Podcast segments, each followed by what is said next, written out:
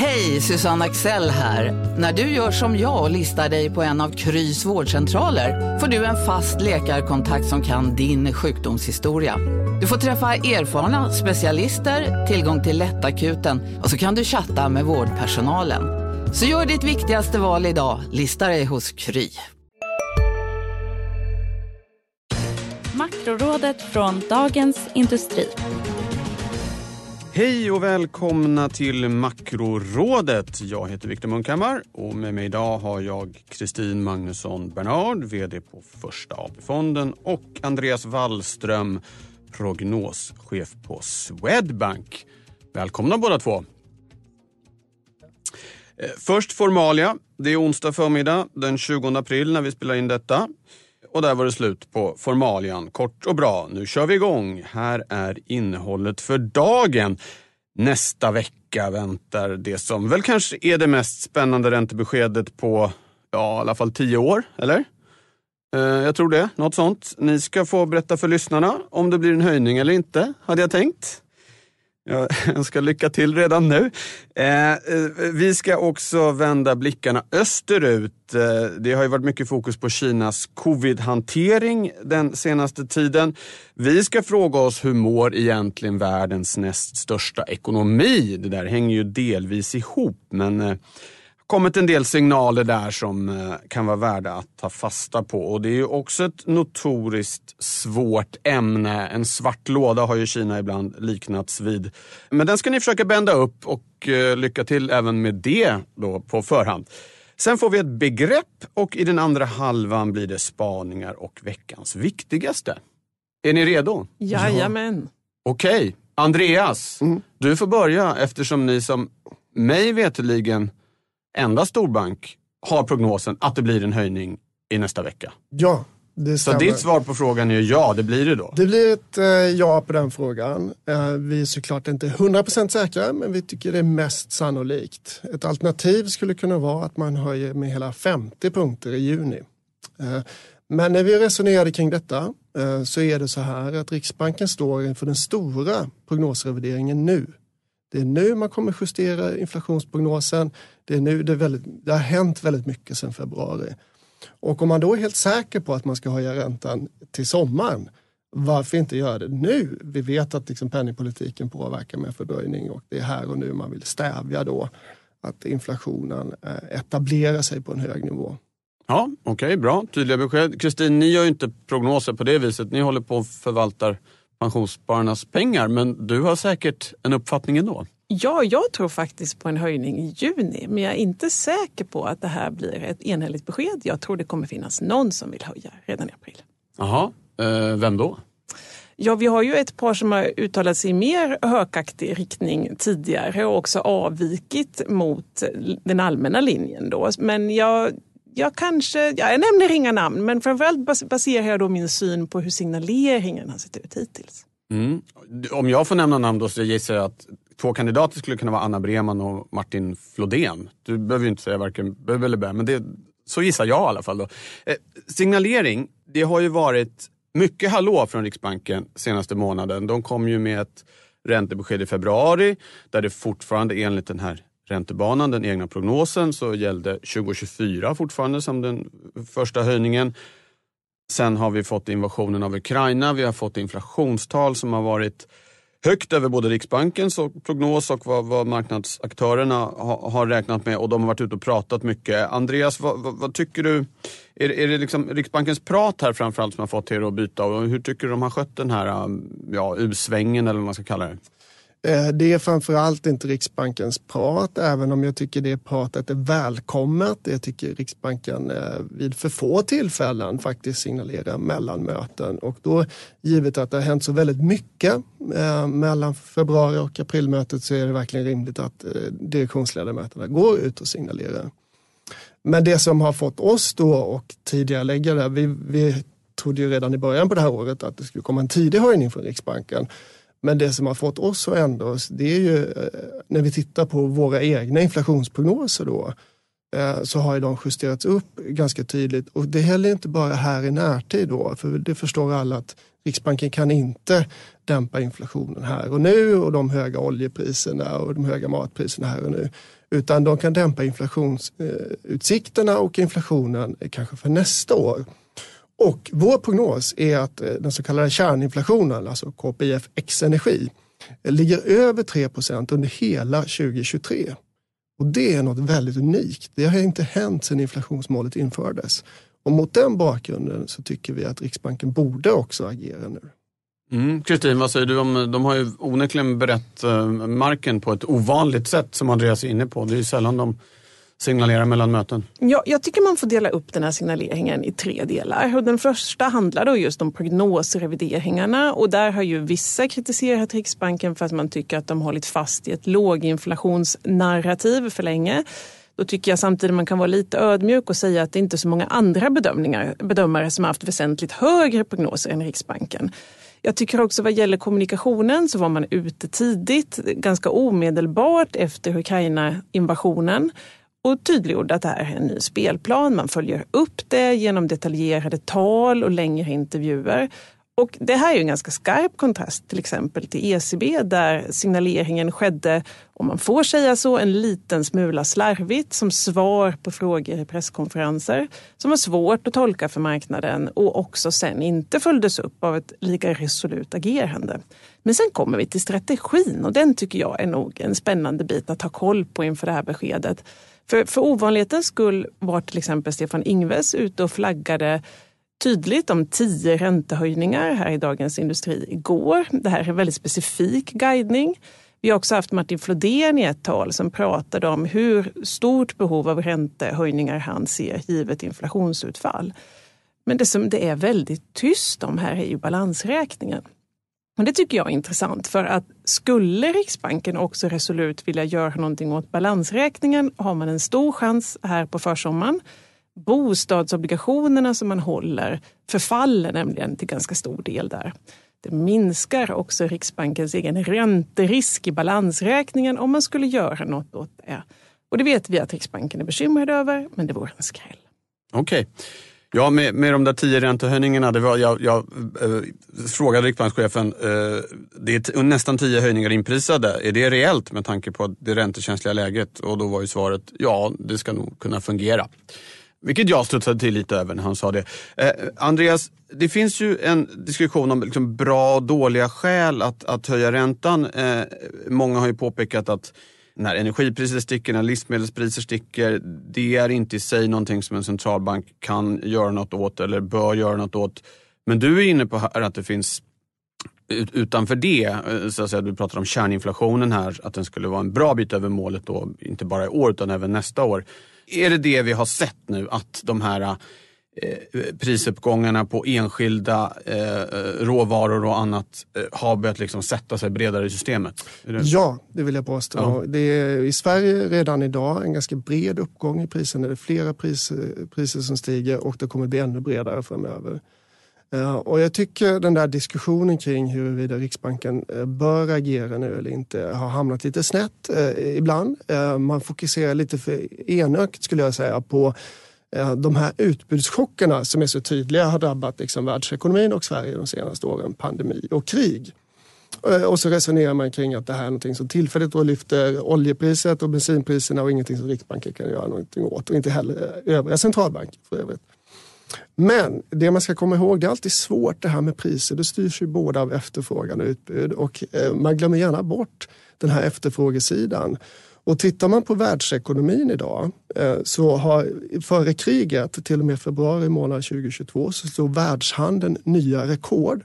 Det har aldrig handlat så mycket som det gjort tidigare. Jättetryck där ute i ekonomin. Eh, BNP-tillväxten är exceptionellt höga, full återhämtning sedan pandemin.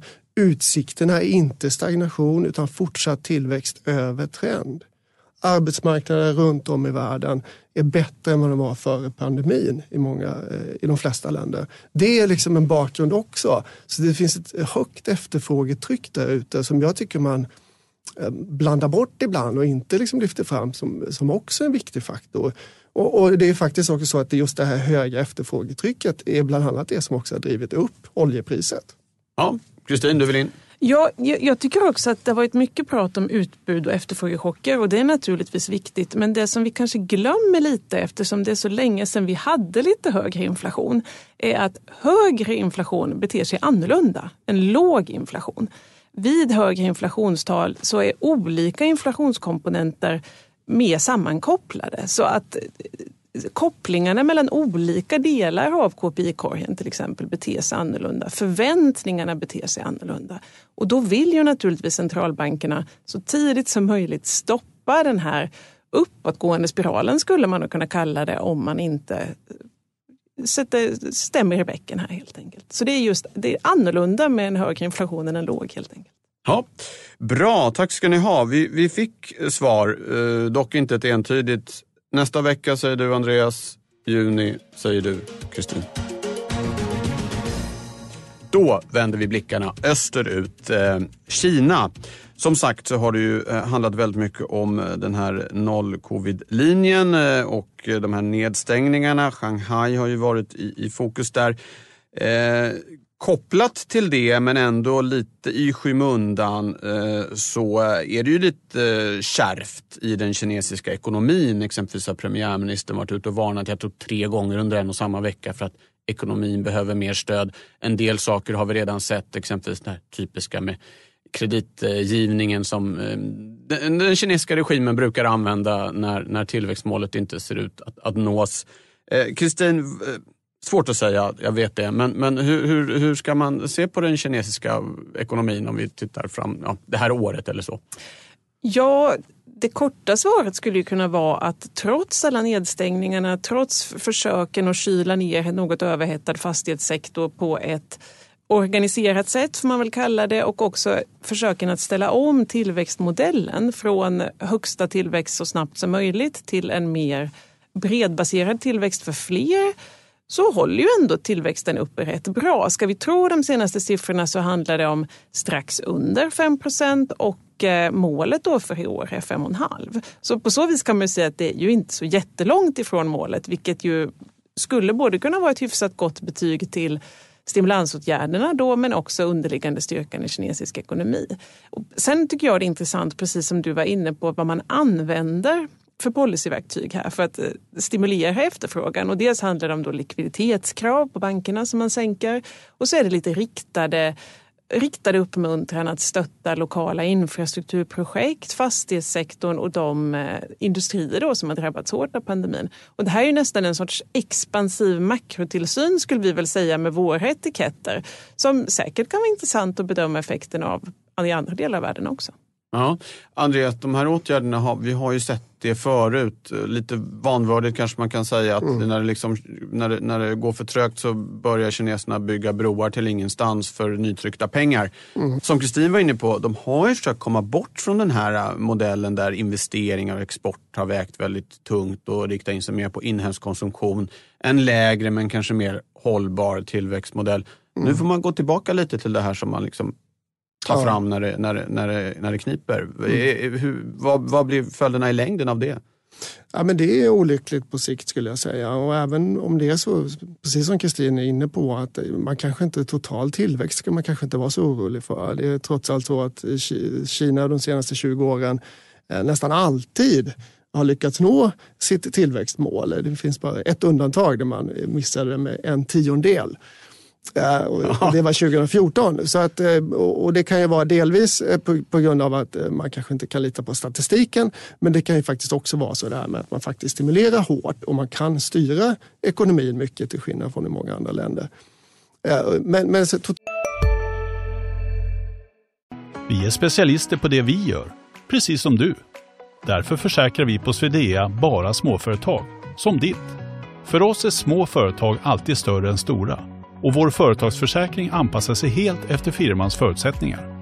Gå in på swedea.se företag och jämför själv. Hej, Synoptik här.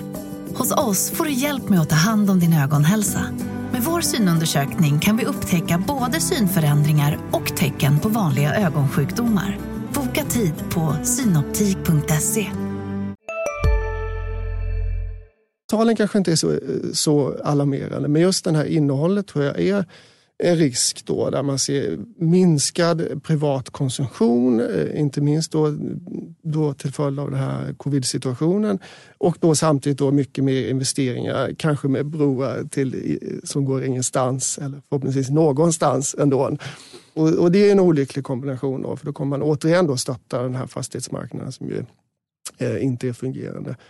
Eh, sen är frågan, vår bedömning är ändå att man kommer faktiskt inte nå det här målet på 5,5 procent. Eh, vi, vi spår ändå en tillväxt på 5 procent så det är inte så stor eh, avvikelse. Och det finns ju många prognosmakare där ute som har en mer dyster syn och räknar med kanske 3-4 procents tillväxt i Kina. Och det är ju klart, med historiska mått mätt de senaste 20-30 åren så är det lågt. Eh, och jag skulle nog ändå peka ut Kina och utvecklingen där som en av de absolut största riskerna för världsekonomin. Eh, faktiskt större än eh, kriget i Ukraina för stunden. Ja. Kristin, vad säger du om det? Ja, det beror ju mycket på hur konsumtionen i Kina kommer se ut framåt. För det vi inte vet så mycket om till exempel är ju vid nedstängningarna och så vidare. Så vitt jag förstår så betalar man fortfarande ut löner i hög grad även om folk då inte kan gå till fabriken och jobba. Och det innebär ju igen att man har ett inkomststöd som ser helt annorlunda ut än vad man traditionellt har haft. Jag har förstått att det finns en kinesisk rörelse, framförallt bland yngre kineser, som handlar om att man inte vill jobba dygnet runt. Utan ligga platt. Ligga platt, exakt -huh. så heter den. Och, och, det här är också, här kan man ju lägga en grogrund för beteendeförändringar. Nu har vi ju inte sett the great resignation i Kina på samma sätt som i USA, men även här kan ju kinesisk arbetsmarknad vara på väg att förändras ganska ordentligt. Ja, det kommer nog mer om det eh, framåt här eh, tror jag. Det är ju ändå som sagt världens näst största ekonomi. Nu ska vi ge oss på begreppet. Eh, och Kristin, det är du som ska ta det idag. Det är valt med tanke på eh, vad Riksbanken kan göra här och nu. Martin Flodén var inne på det i tal. Du ska få reda ut vad är egentligen växelkurskanalen? Jo, växelkurskanalen är den mekanism som beskriver hur penningpolitiken påverkar värdet på valutan, alltså växelkursen. Och normalt är det så här att en högre ränta det betyder oftast att valutan stärks och då dämpas det inhemska inflationstrycket därför att det blir en lägre efterfrågan på inhemska varor och man köper mer konkurrensutsatta varor från utlandet. Men det här är också ett av de viktigaste sätten som penningpolitiska förändringar i omvärlden påverkar oss i Sverige. För tänk er till exempel att om ECB skulle strama åt mer än Riksbanken så försvagar det sannolikt kronan och då stiger det svenska inflationstrycket. Så hur stark växelkurskanalen är för ett land det har betydelse för hur mycket dess penningpolitik kan avvika från omvärlden. Oj, oj, gud vad konkret. Och, och jag tror du, för första gången tror jag någon har hållit sig inom de här 60 sekunderna som jag har som ett slags mål. Och nu sabbar jag det med att stå här och pladdra. Ursäkta, jag blir så exalterad över detta. Vi går direkt vidare till uh, spaningarna. Uh, Augustin, det är du som ska börja uh, med det. Uh, och vi håller oss kvar vid det här med inflationen som ju är det som alla tänker på nästan hela tiden.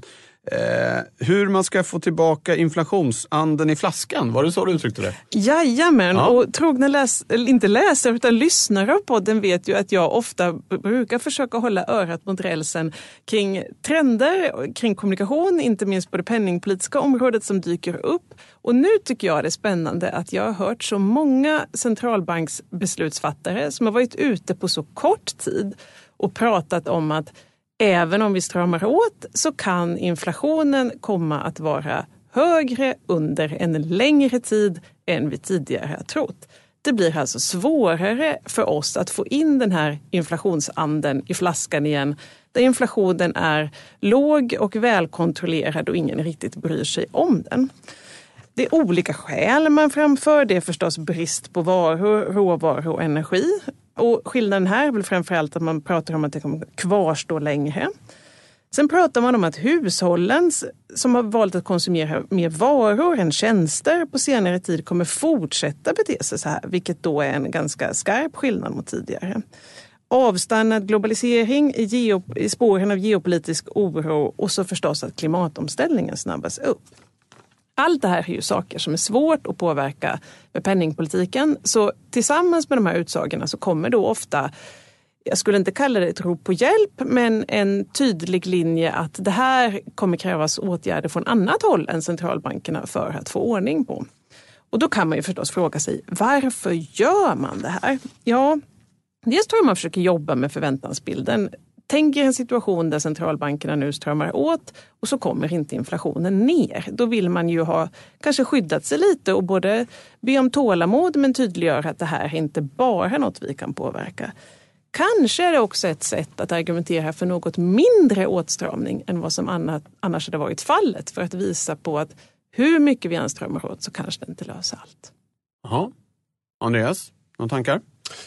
Ja, men det är spännande det här med hur pass ändå bestående hög inflationen eh, kan tyckas komma bli utan att det är egentligen den här löne och prisspiralen som vi tidigare har lärt oss är det viktigaste. är det enda egentligen som kan leda till liksom en bestående hög inflation.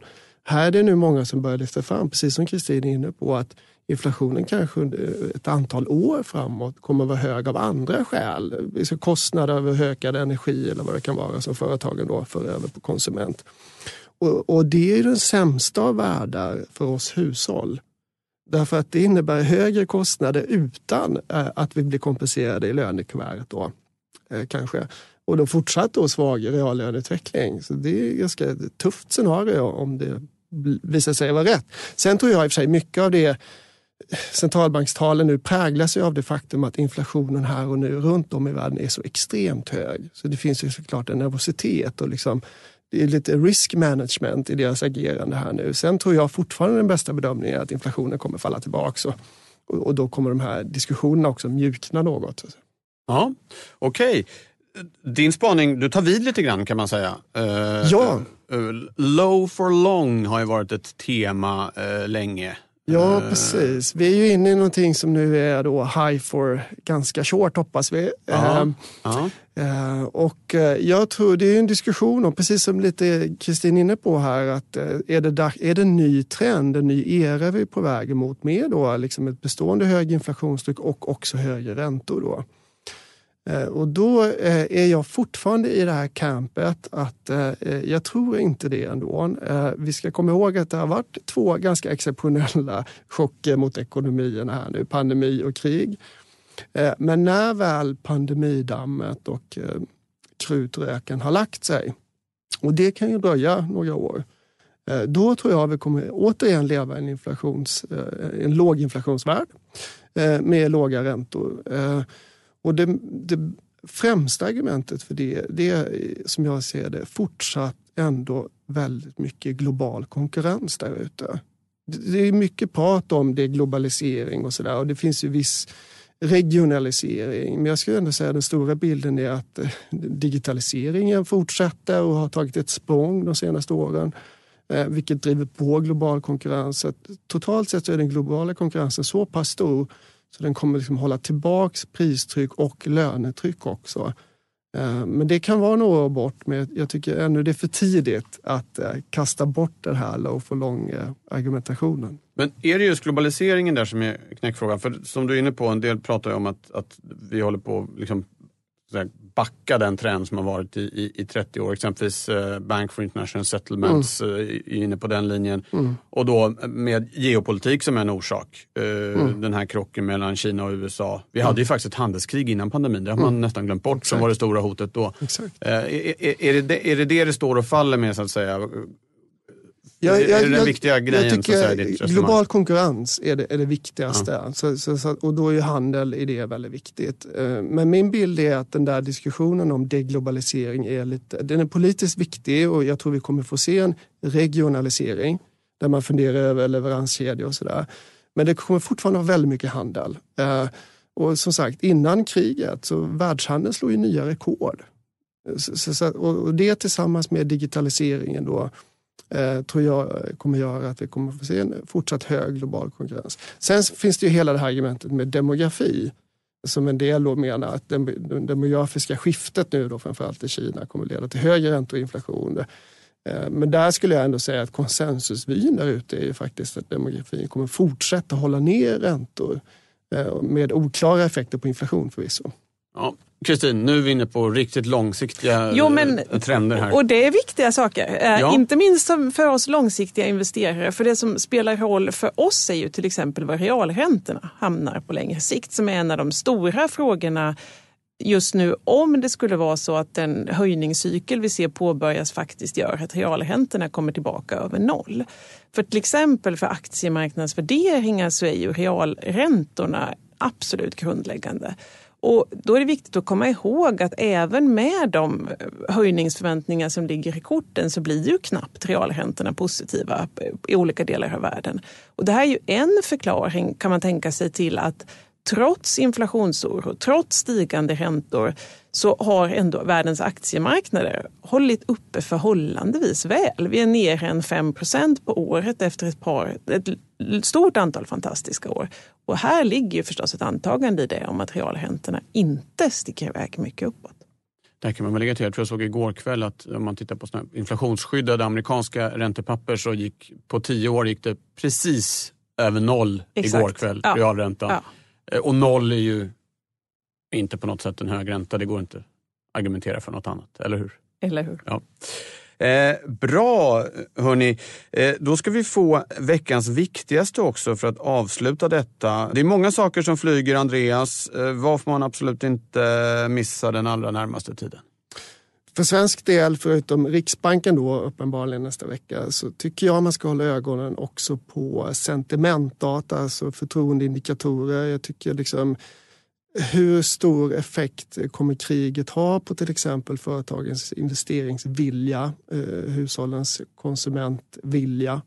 Eh, Det tycker jag är svårt och oklart i läget och eh, då blir de, den typen av undersökningar blir väldigt viktigt. Och nästa vecka kommer Konjunkturinstitutet med en stor barometer till exempel.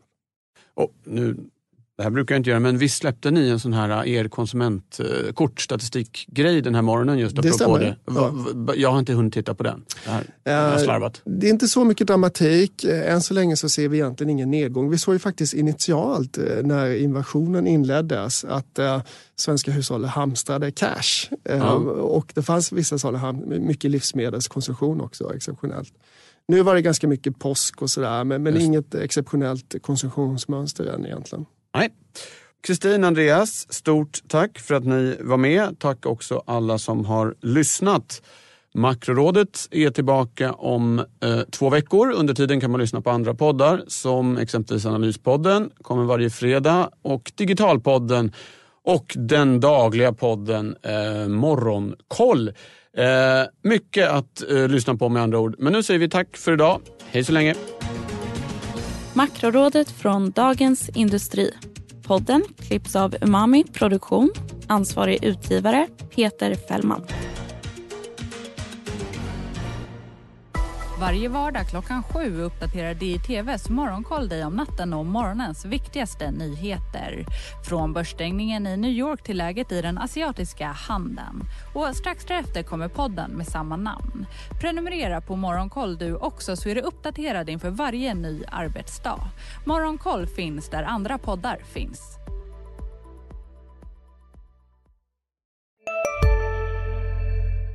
Redo för sportlovets bästa deal? Ta med familjen och njut av en Big Mac, McFeast eller Cooper Cheese och Company plus en valfri Happy Meal för bara 100 kronor. Happy Sportlovs deal, bara på McDonalds. En nyhet. Nu kan du teckna livförsäkring hos Trygg-Hansa. Den ger dina nära ersättning som kan användas på det sätt som hjälper bäst. En försäkring för dig och till de som älskar dig. Läs mer och teckna på trygghansa.se.